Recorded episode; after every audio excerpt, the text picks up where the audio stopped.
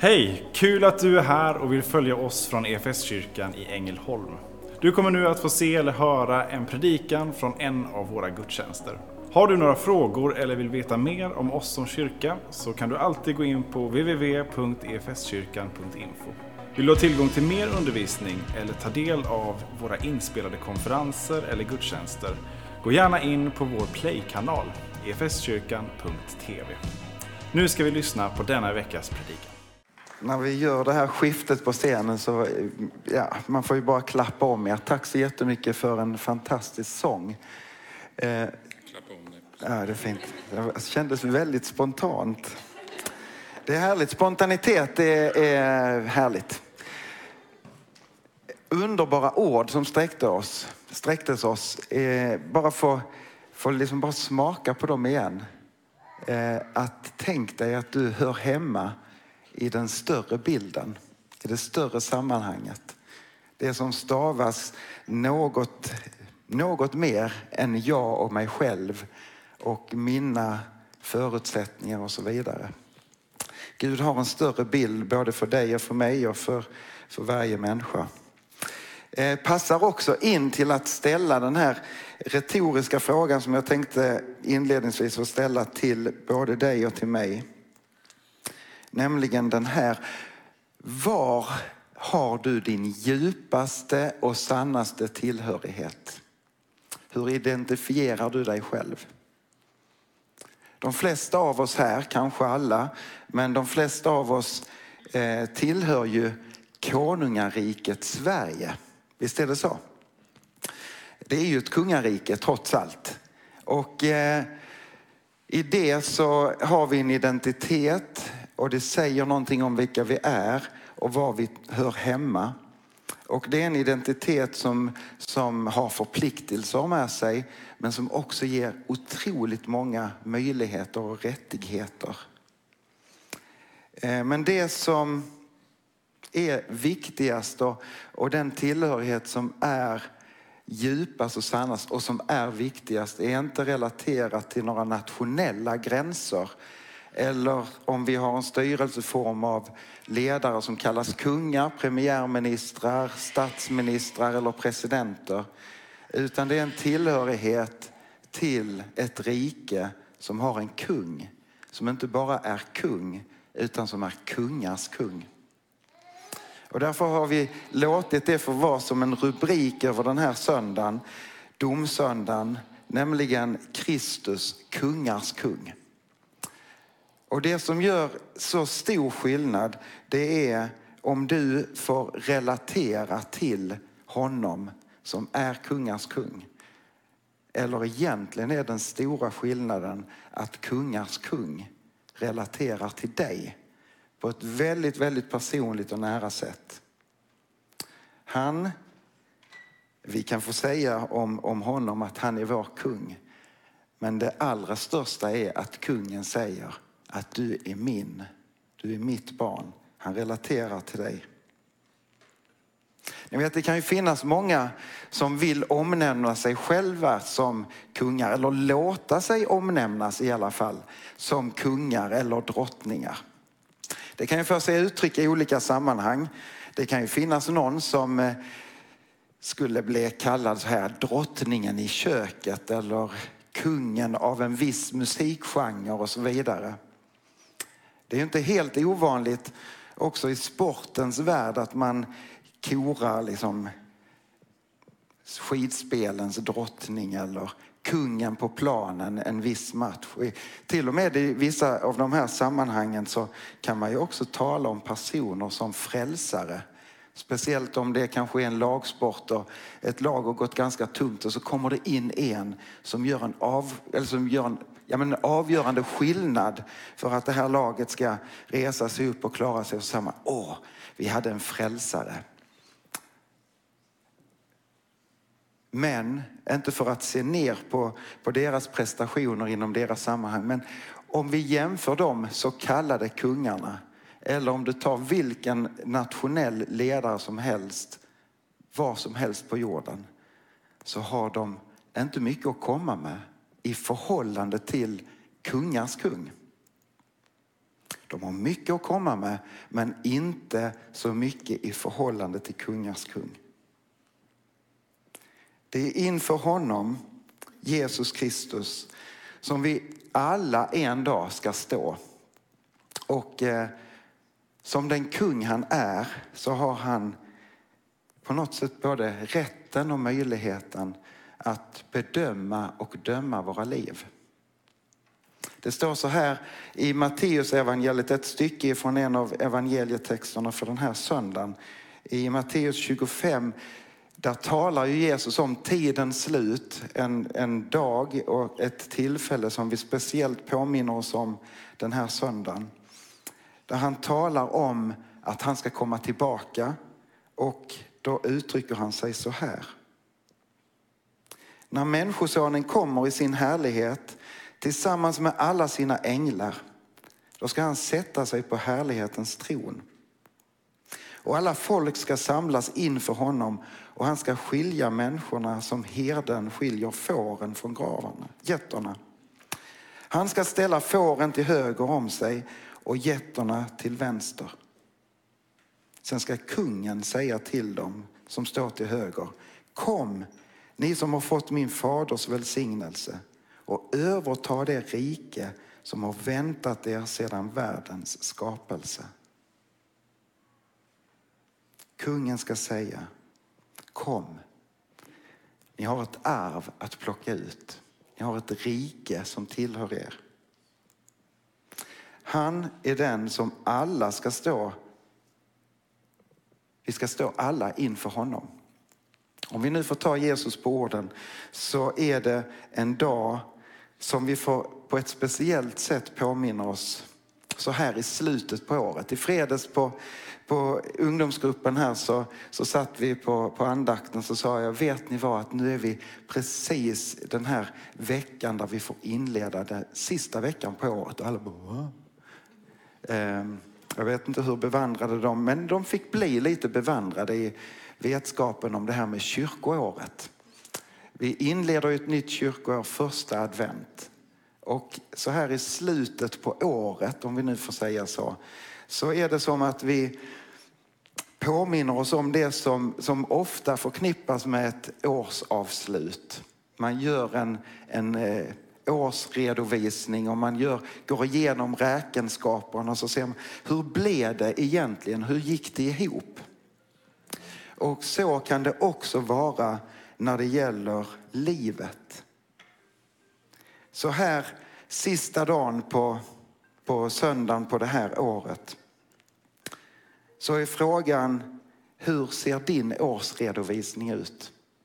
Ibland säger man så här att dagarna som ligger framför oss är som oskrivna blad i vår livs bok. De är, där står liksom ingenting på de dagarna som kommer. Fast det är en sanning med modifikation. För där står någonting redan som kanske Herren har skrivit. Typ att du är älskad, jag är redan där. Men ändå, vi har liksom inte fyllt på i vår, vår livsbok. Men det skulle ju per automatik innebära att dagarna som har gått, där står det en massa saker. Och tänker vi livets bok inte bara som en dagbok där vi skriver lite goda minnen och liksom goda upplevelser. Det var en härlig måltid hemma hos Babab och så vidare. Utan det är en bok som rymmer allt. Precis allt i ditt liv. Allt vad du har gjort, allt vad du har sagt och allt vad du har tänkt. Och lite till en total beskrivning av vem du är. Vad har du för känsla om du skulle summera och tänka, hur har mitt år varit? Jag tror du, precis som jag, skulle kunna se på en del grejer som bara, ja men det här, det här blir ju ändå rätt så bra. Men vi har också sånt som vi gärna skulle liksom vilja. Hmm. Men tänk nu om vi hade haft den här boken och vi hade bytt böcker med varandra i bänkarna.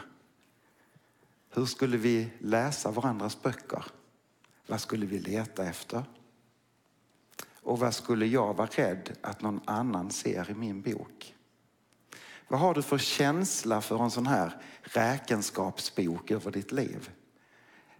För mig så döljer det, eller rymmer det på något sätt, ja men dubbla känslor. En känsla av kanske rädsla, skam eller vad det nu kan vara. Mitt liv räckte inte till.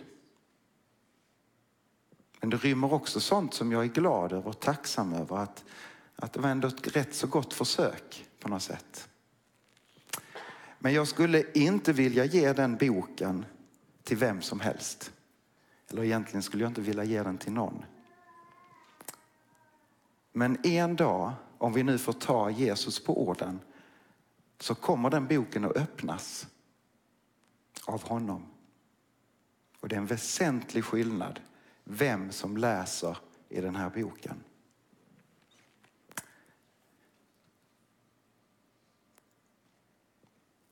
När Jesus han talar om tidens slut så slår han fast om det som, som är tydligt genom på något sätt hela Bibelns berättelse men som är så tydligt i Jesu undervisning. Det kommer en dag då jag ska komma tillbaka och böckerna ska öppnas och jag ska, ska döma världen. Lärjungarna frågar när, när ska det ske? Och människor har frågat det här i alla tider. När är det inte nu? Är det inte nu? Jesus han svarar, jag vet inte. Endast Fadern i himlen vet. Men att jag ska komma tillbaka, det är han supertydlig med. Jag brukar säga så här när man berör detta att, att vi har aldrig varit så nära som just nu. Någon gång i världshistorien. Och vi kommer närmare och närmare. Det kanske tar generationer.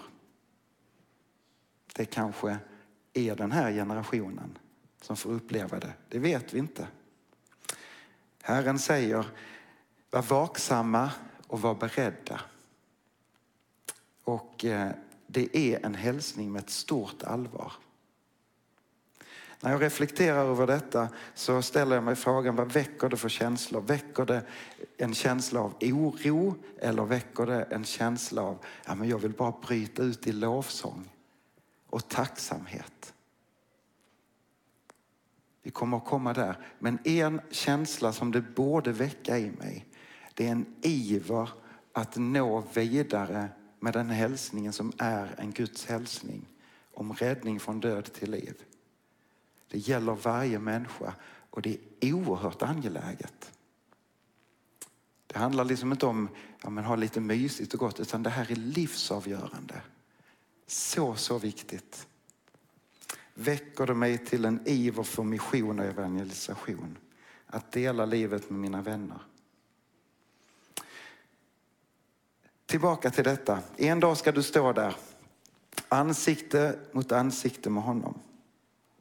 Han kommer att öppna dina böcker. I Uppenbarelseboken så står det så här när Johannes får se en, en syn av detta som kommer att ske. Och han, han beskriver det så här. Och jag såg en stor vit tron och honom som sitter på den. Och jorden och himlen flydde inför honom och det fanns inte längre någon plats för dem. Och jag såg de döda, höga och låga, stå inför tronen och böckerna öppnades. Och ännu en bok öppnades, Livets bok. Och de döda dömdes efter vad som stod i böckerna efter sina gärningar. Åh, vad det kan skava. Böckerna ska öppnas, ska dömas efter sina gärningar. Hur såg din bok ut för det gångna året eller för hela livet? Tittar jag med mitt oerhört begränsade perspektiv bara över mitt eget liv så, så inser jag att, som jag sa innan, det rymmer både sånt som, som kan vara någorlunda gott men också så mycket som grumlar bilden och som stavas sånt som vi kallar synd och elände. Men det är också sånt som inte är nedskrivet och det är nästan som att Jag kan få en känsla av att också de oskrivna raderna ligger mig till last. Allt det goda jag kunde välja att göra för andra människor men som jag inte valde. Jesus, vad ska du säga över mitt liv? Men vet ni vad? Att vi har all anledning att se fram emot den dagen. Och faktiskt bara, ja men inte drivas av rädslan, skammen över vad som kommer att stå där. Utan snarare tacksamheten för vad Herren kommer att läsa.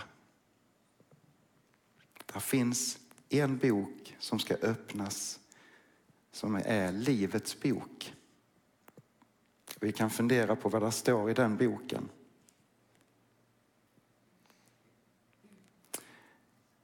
Här menar jag att det är den absolut stora och avgörande skillnaden hur jag förhåller mig till kungars kung. Det är han som ska gå igenom böckerna, det är han som ska gå igenom räkenskaperna. I Johannes evangeliets femte kapitel så, så står det så här. Ty liksom Fadern uppväcker de döda och ger dem liv så ger också Sonen liv åt vem han vill. Och Fadern dömer ingen utan har helt överlåtit domen åt Sonen för att alla ska ära Sonen liksom de ärar Fadern. Den som inte ärar Sonen ärar inte heller Fadern som har sänt honom. Sannerligen, jag säger er, den som hör mitt ord och tror på honom som har sänt mig, han har evigt liv. Han faller inte under domen utan har övergått från döden till livet. Sannerligen, jag säger er, den stund kommer, ja den är redan här, då de döda ska höra Guds sons röst och de som hör den ska få liv. Ty liksom Fadern äger liv så har han också låtit Sonen äga liv och han har gett honom makt att hålla dom eftersom han är Människosonen. Var inte förvånade över detta. Den stund kommer då alla som ligger i sina gravar ska höra hans röst och gå ut ur dem. De som har gjort det goda ska uppstå till livet och de som har gjort det onda ska uppstå till domen. Av mig själv kan jag inte göra något som jag ju hör, så dömer jag och min dom är rättvis, ty jag följer inte min egen vilja utan hans vilja som har sänt mig. De som har gjort det goda ska uppstå till livet. Hänger det ändå på gärningarna? Ja, det gör det. Det är helt avgörande på gärningarna. Men inte dina gärningar, utan hans gärning. Helt avgörande.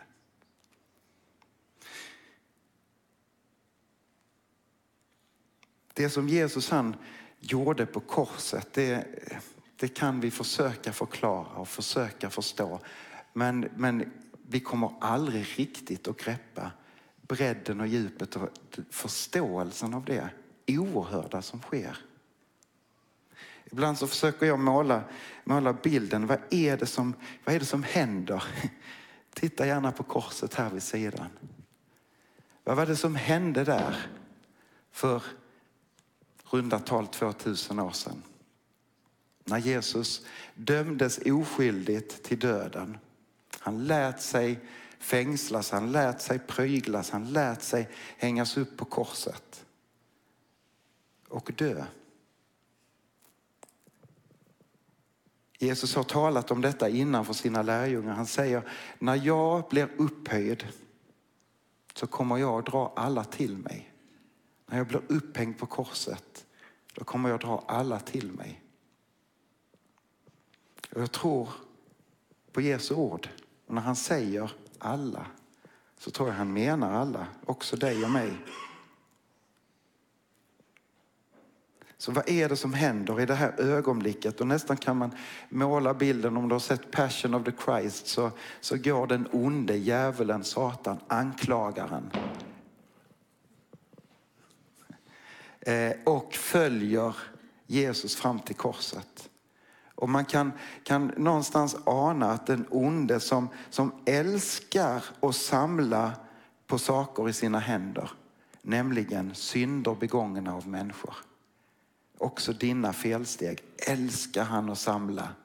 Åh, de ska jag ha så jag kan anklaga varje människa inför Gud som den onde vet ju att Gud ska döma. Han kommer att döma rättvist så håller jag fram detta så kommer inte en enda människa att kunna räddas in i evigheten. Och så står han där framför korset och nu, ska han, nu kommer han att dö. Den onde vet mycket väl att Jesus är Gud själv. Och så tänker han, nu är det mitt ögonblick. Nu är det min triumf. Men tänk om det händer i det sista andetaget när Jesus hänger där på korset. Och han uttrycker, nu är det fullbordat.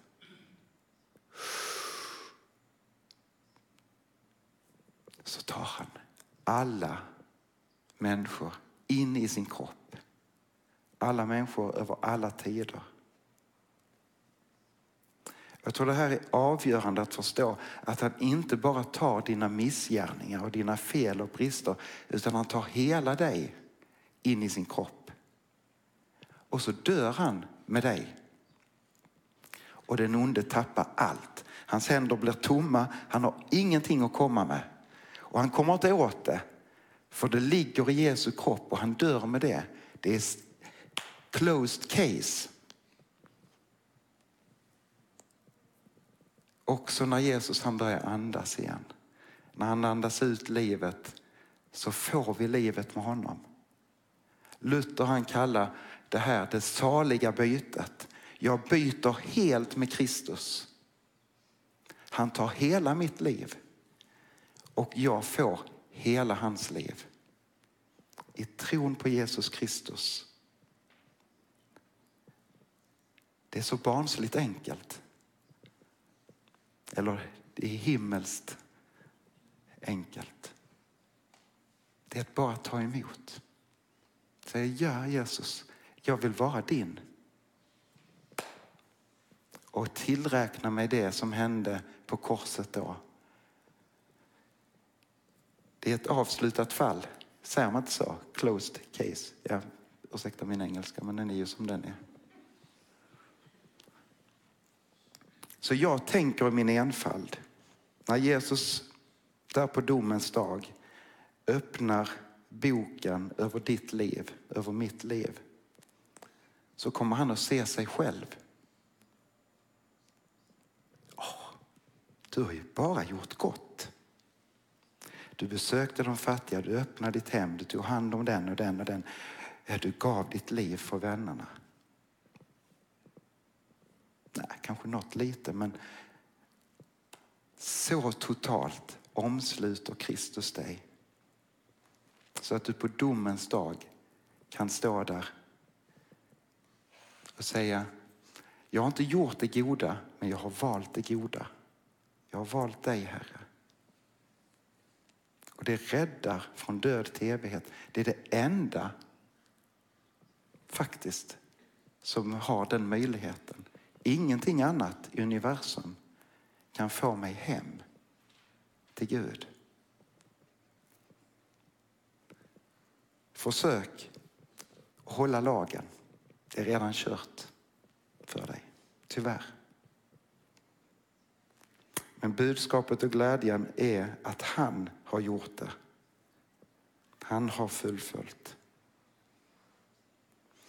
Sannerligen, jag säger er, den som hör mitt ord och tror på honom som har sänt mig, han har evigt liv.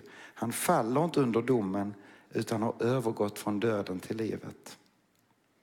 I det här kungariket så har du inte någon undanskymd plats eller någon liksom så här biroll utan du får vara hans barn. Att när jag tittar ut här Ja, oavsett om du tror eller inte tror så ser jag bara en massa prinsar och prinsessor.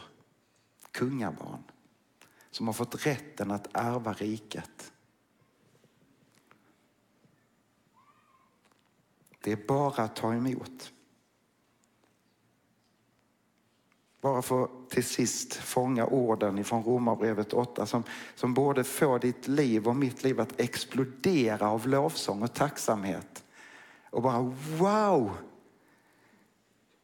Nu blir det alltså ingen fällande dom för dem som tillhör Kristus Jesus. Till den andliga lag som gäller för livet i Kristus Jesus har gjort mig fri från syndens och dödens lag.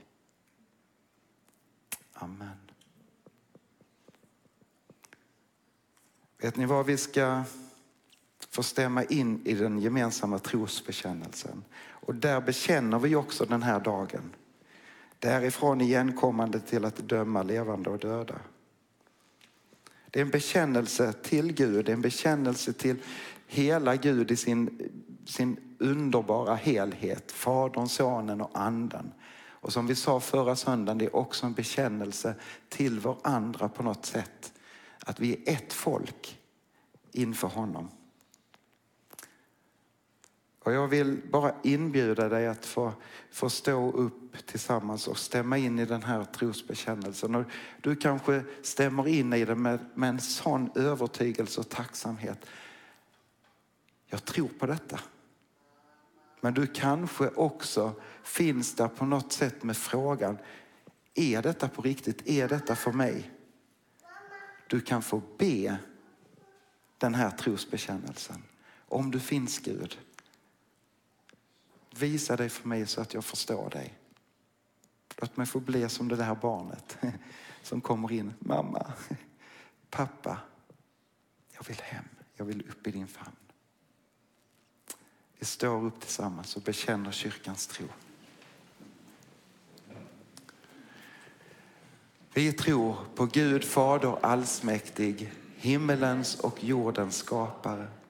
Vi tror också på Jesus Kristus, hans enfödde son, vår Herre, vilken är avlad av den helige Ande, född av jungfru Maria, pinad under Pontius Pilatus, korsfäst, död och begraven, nederstigen till dödsriket, på tredje dagen uppstånden igen ifrån de döda, uppstigen till himmelen, sittande på allsmäktig Gud faders högra sida, därifrån igenkommande till att döma levande och döda. Vi tror också på den helige Ande, en helig allmännelig kyrka, det heliga samfund, syndernas förlåtelse, det dödas uppståndelse och ett evigt liv. Amen. Som kyrka är det en glädje att få spela en liten roll av allt Gud gör i och genom ditt liv. Vi vill gärna fortsätta följa dig på den resan. Och vill du ta reda på vad ditt nästa steg kan vara på din resa med Gud så gå in på efskyrkan.info nästa steg. Vår längtan är att få se människor och samhällen förvandlade av Jesus. Genom en kyrka som återspeglar Guds hjärta, bär varandra och betjänar människor varhelst vi befinner oss varje dag.